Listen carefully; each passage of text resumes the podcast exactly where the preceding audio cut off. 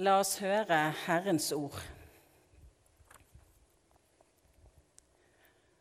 Og det står skrevet i evangeliet etter Matteus i de 25. kapittel. Men når Menneskesønnen kommer i sin herlighet, og alle englene med ham, da skal han sitte på sin trone i herlighet og alle folkeslag samles foran ham.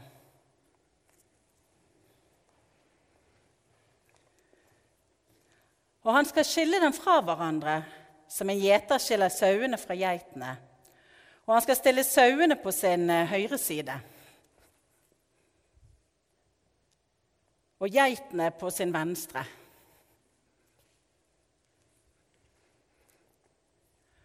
Så skal kongen si på dem til, på sin høyre side.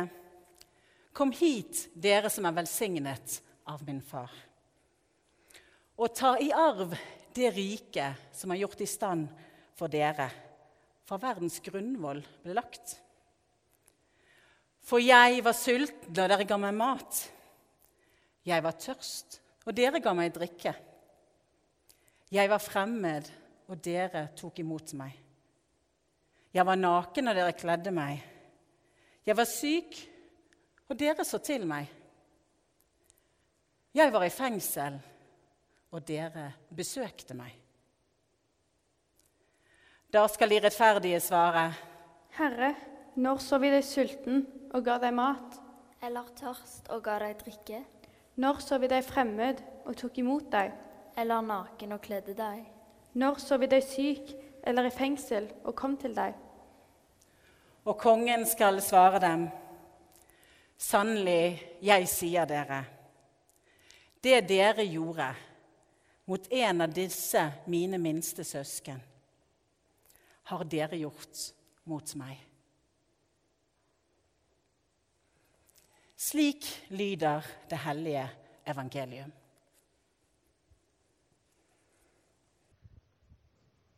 Hei, mor.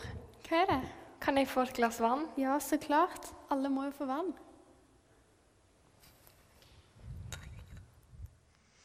Hei, mamma. Kan jeg få en dråpe vann? Jeg vet det er mye å spørre om, men jeg er så tust. Sorry, men akkurat nå har vi ikke vann.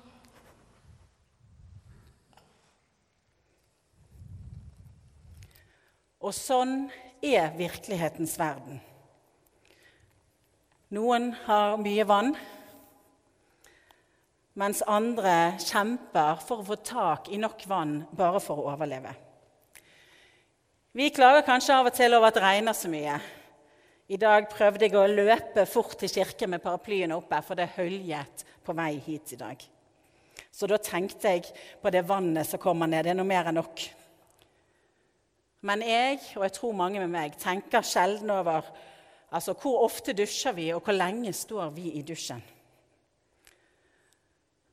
Og mange av oss har vannmålere hjemme i eh, boligen vår. Og Hvis vi hadde sjekket den litt ofte og sett hva er dagsforbruk av vann, så tror jeg mange av oss ville fått litt sjokk. For det kan jo fort være 150 liter på en dag. Så vet jeg òg at vi mennesker kan klare oss med ganske lite vann hvis vi må. For eksempel, når min familie drar på hytten på Kjosavik, så må vi ta med oss vann hjemmefra og bære til hytten. Og det som vi gidder å bære, det er 20 liter. Da holder det til den helgen. Men vi tenker jo på hvordan vi bruker det vannet. Og vannet blir på en måte brukt flere ganger.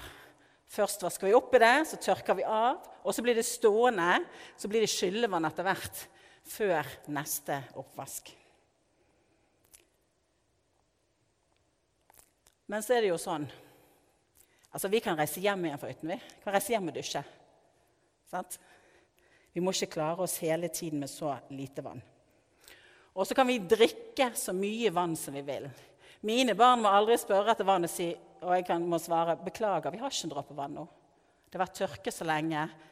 Vi har ikke fått hentet vann. Der er ikke vann. De spør meg ikke om vann engang.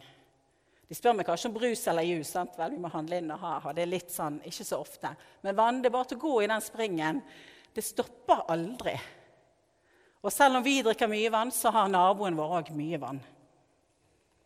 Og da snakker jeg om ordentlig rent vann. Vi blir ikke syke i magen av det vannet som vi får i springen. Espen, kan jeg få opp det der bildet eh, fra fasteaksjonen med den tåteflasken? Ikke om dere klarer å se det. Jeg tror ikke det er så mange på Lura som hadde lyst til å gi den tåteflasken til sin baby. Men tenk deg at for 785 millioner mennesker i verden så ser drikkevannet sånn ut. Eller kanskje enda verre. Så kan jo vi si ja, hallo, det er jo ikke vårt problem. Vi har jo nok vann. Men jo, det er vårt problem som medmennesker. Og som kristne mennesker. Mennesker som har Jesus som leder og forbilde. Og I bibelteksten som vi hørte her i sted, hørte vi at det vi har gjort mot en av Jesu minste, det har vi òg gjort for Jesus sjøl. I dagligtalen vår så snakker ikke vi så mye om Jesu minste. Vi bruker vel heller ikke de bibelske uttrykkene 'min neste' og 'med nabo' i særlig grad. I hvert fall ikke nabo sånn i den utvidede betydning. Bortsett fra kanskje noen ganger her i kirken. Vi snakker nok mer om våre medmennesker. Vi er mennesker sammen. Skapt av den samme Gud, tror vi. Og uavhengig av hva slags tro våre medmennesker har. Og selvfølgelig òg uavhengig av kjønn, etnisitet, nasjonalitet, funksjonsnivå, seksuell ledning, utdanning og økonomi osv. Alle så er vi skapt av Gud. Og våre medskapninger, de har vi medansvar for. I denne boken jeg leste fra i sted, i bibelboka, helt i børjan, så står det det. Vi har fått et oppdrag å passe på denne jorden og alt som lever på den, inkludert våre medmennesker. Så sånn sett så skulle jeg noen ganger ønske at jeg eh, ikke var kristen. Så kunne jeg med god samvittighet tenkt mye mer bare på meg og mine og de som er akkurat rundt meg. Men så tror jeg at vi, vi mennesker har en medmenneskelighet skapt i oss, som er altså uavhengig av tro. Jeg har både møtt og hørt om mennesker som går, gjør gode ting for andre uten at de har en gudstro. Jeg tror det er skapt i oss. Så er forskjellen det som vi hørte i dagens bibeltekst, at eh, det vi som kristne gjør for våre medmennesker, det gjør vi òg for Jesus. Og det gjør, vi, det gjør vi på, måte, på, to måter. Det ene er at vi gjør det Han er lederen vår. Um, han er forbildet vårt, og det oppdraget vi har fått. Å tjene andre mennesker. Her i Lura menighet så er det en del av vår versjon. Lura menighet er en menighet preget av tro, tilhørighet og tjeneste. Og Den andre måten vi gjør dette for Jesus på, er at når vi gir noe for andre, f.eks. gir de vann, så gir vi òg vann til Jesus. Han merker det. Jesus kom jo til verden for alle mennesker, og han vil være nær hos alle mennesker. Og han merker hvordan vi har det, og om vi har vann eller ei, f.eks. Så dagens tekst er et bilde på dommens dag. Det er en dag som ligger langt frem i fremtiden, tror jeg. Jeg vet ikke, forresten. Det er i hvert fall en dag som vi ikke har noe kontroll over. Og Da står det at Jesus skal komme og dømme oss mennesker. Og Han skal dømme oss enten til en evig fremtid med ham i himmelriket, eller til ikke en fremtid i det hele tatt. Et liv uten Gud som ender i dødsriket. Det står i teksten at de som har brydd seg om andre, skal få komme til Jesus i himmelen. For det er etter Guds vilje at vi gjør noe godt for andre mennesker. Selv om vi ikke engang kjenner dem. Når vi skal ha fasteaksjonen, gir vi penger til vann til mennesker vi ikke har peiling på hvem er, stort sett. Og så er det ikke sånn at eh, vi nødvendigvis tenker på Gud når vi gjør noe for andre. Ofte, heldigvis, så er det litt sånn automatisert. Vi hjelper folk hvis vi ser at de trenger det. Så leste ikke jeg hele den teksten i dag. Men der står det òg noe om geitene, eller menneskene på den venstre siden, som ikke la merke til at noen var sultne, tørste eller syke rundt seg. La oss prøve å unngå å være de som rett og slett ikke merker at det er noen som trenger oss, og som trenger noe. For overser vi de, så overser vi òg Jesus. Med fasteaksjonen skal vi ikke overse medmennesker eller Jesus. Vi skal være med og forandre for andre sammen. Det kan dere vel se nederst på den plakaten der oppe. Der står 'Vann forandrer livet' og dette her.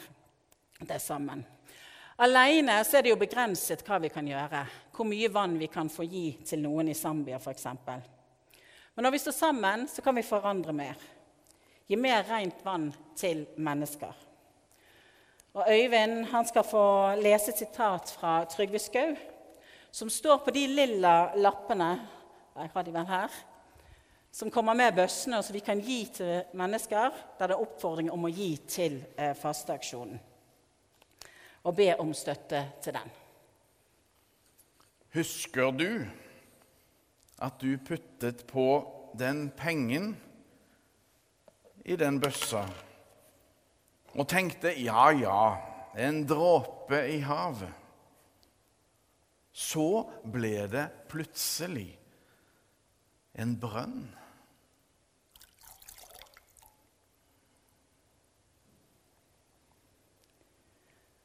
Da jeg gikk fra kirken fredag kveld, så hadde menigheten fått inn 11 281 kroner til fasteaksjonen. Nok til varig rent vann til 45 mennesker. Og Det var altså kommet inn eh, i menighetens digitale bøsse på Facebook, gjennom VIPS til fasteaksjonen og fra barn og familier i Håholen barnehage. For de var her oppe på fredag morgen med sine fire fastebøsser. For i to uker så har de kommet i barnehagen med småpenger. Det er lenge siden jeg har sett så mange kronestykker og femmere. For det var det mye av de eh, bøssene der. Og så har de laget kunst som de solgte til foreldrene og slekt og venner til inntekt for fasteaksjonen. Og nå skal vi få se noen, eh, Her er noen av de kunstneriske blå fiskene i havet som henger inne i en sånn kasse, så de hadde kunstauksjon ute i Håholen barnehage. Og ble altså solgt til inntekt for fasteaksjonen. Og dette er noe som de gjør eh, hvert år. Det er en lang tradisjon på det. De er alltid like spent, og i år var det hvor mange mennesker får rent vann ifra oss. Og måtte, Vi måtte jo telle disse pengene etter at de hadde gått. Og av de 45 som vi har fått inn fredag, så er det barnehagen har gitt til 25 av de. Og det vil si 13 glass med vann. Jeg Vet ikke om noen lurer på Hvorfor i all verden står det en sylinder her med vann oppi? Og Det er nemlig for hvert glass vann, eller for hver 500 kroner så tar vi et glass med vann og tømmer oppi her. Så da var vi kommet eh, så langt. Neste søndag når vi kommer tilbake med bussene, og neste søndag skal vi gi for vårt til fasteaksjonen. Da håper jeg allerede før gudstjenesten begynner at det som på VIPS, det kan vi nemlig finne ut av. Det er kommet lenger opp og etter neste søndag at vi kan fylle opp. Og Dere trenger ikke være redd for å gi for mye. Vi har en sylinder til altså, så vi kan fylle på. Så det blir ikke noe problem. Men nå lurer jeg på eh, Torgrim, er det kommet inn noe mer siden fredag? Ca. 2000. Altså, Nå må vi sjekke mattekunnskapene deres. Hvor mange glass med vann blir det?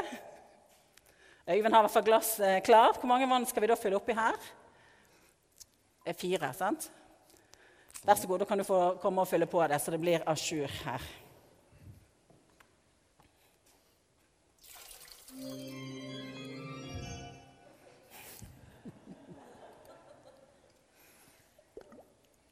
Det var to.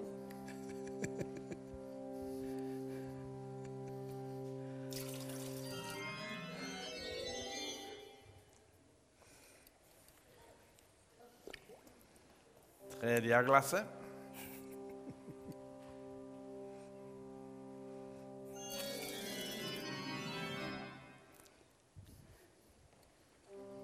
Og det fjerde glasset.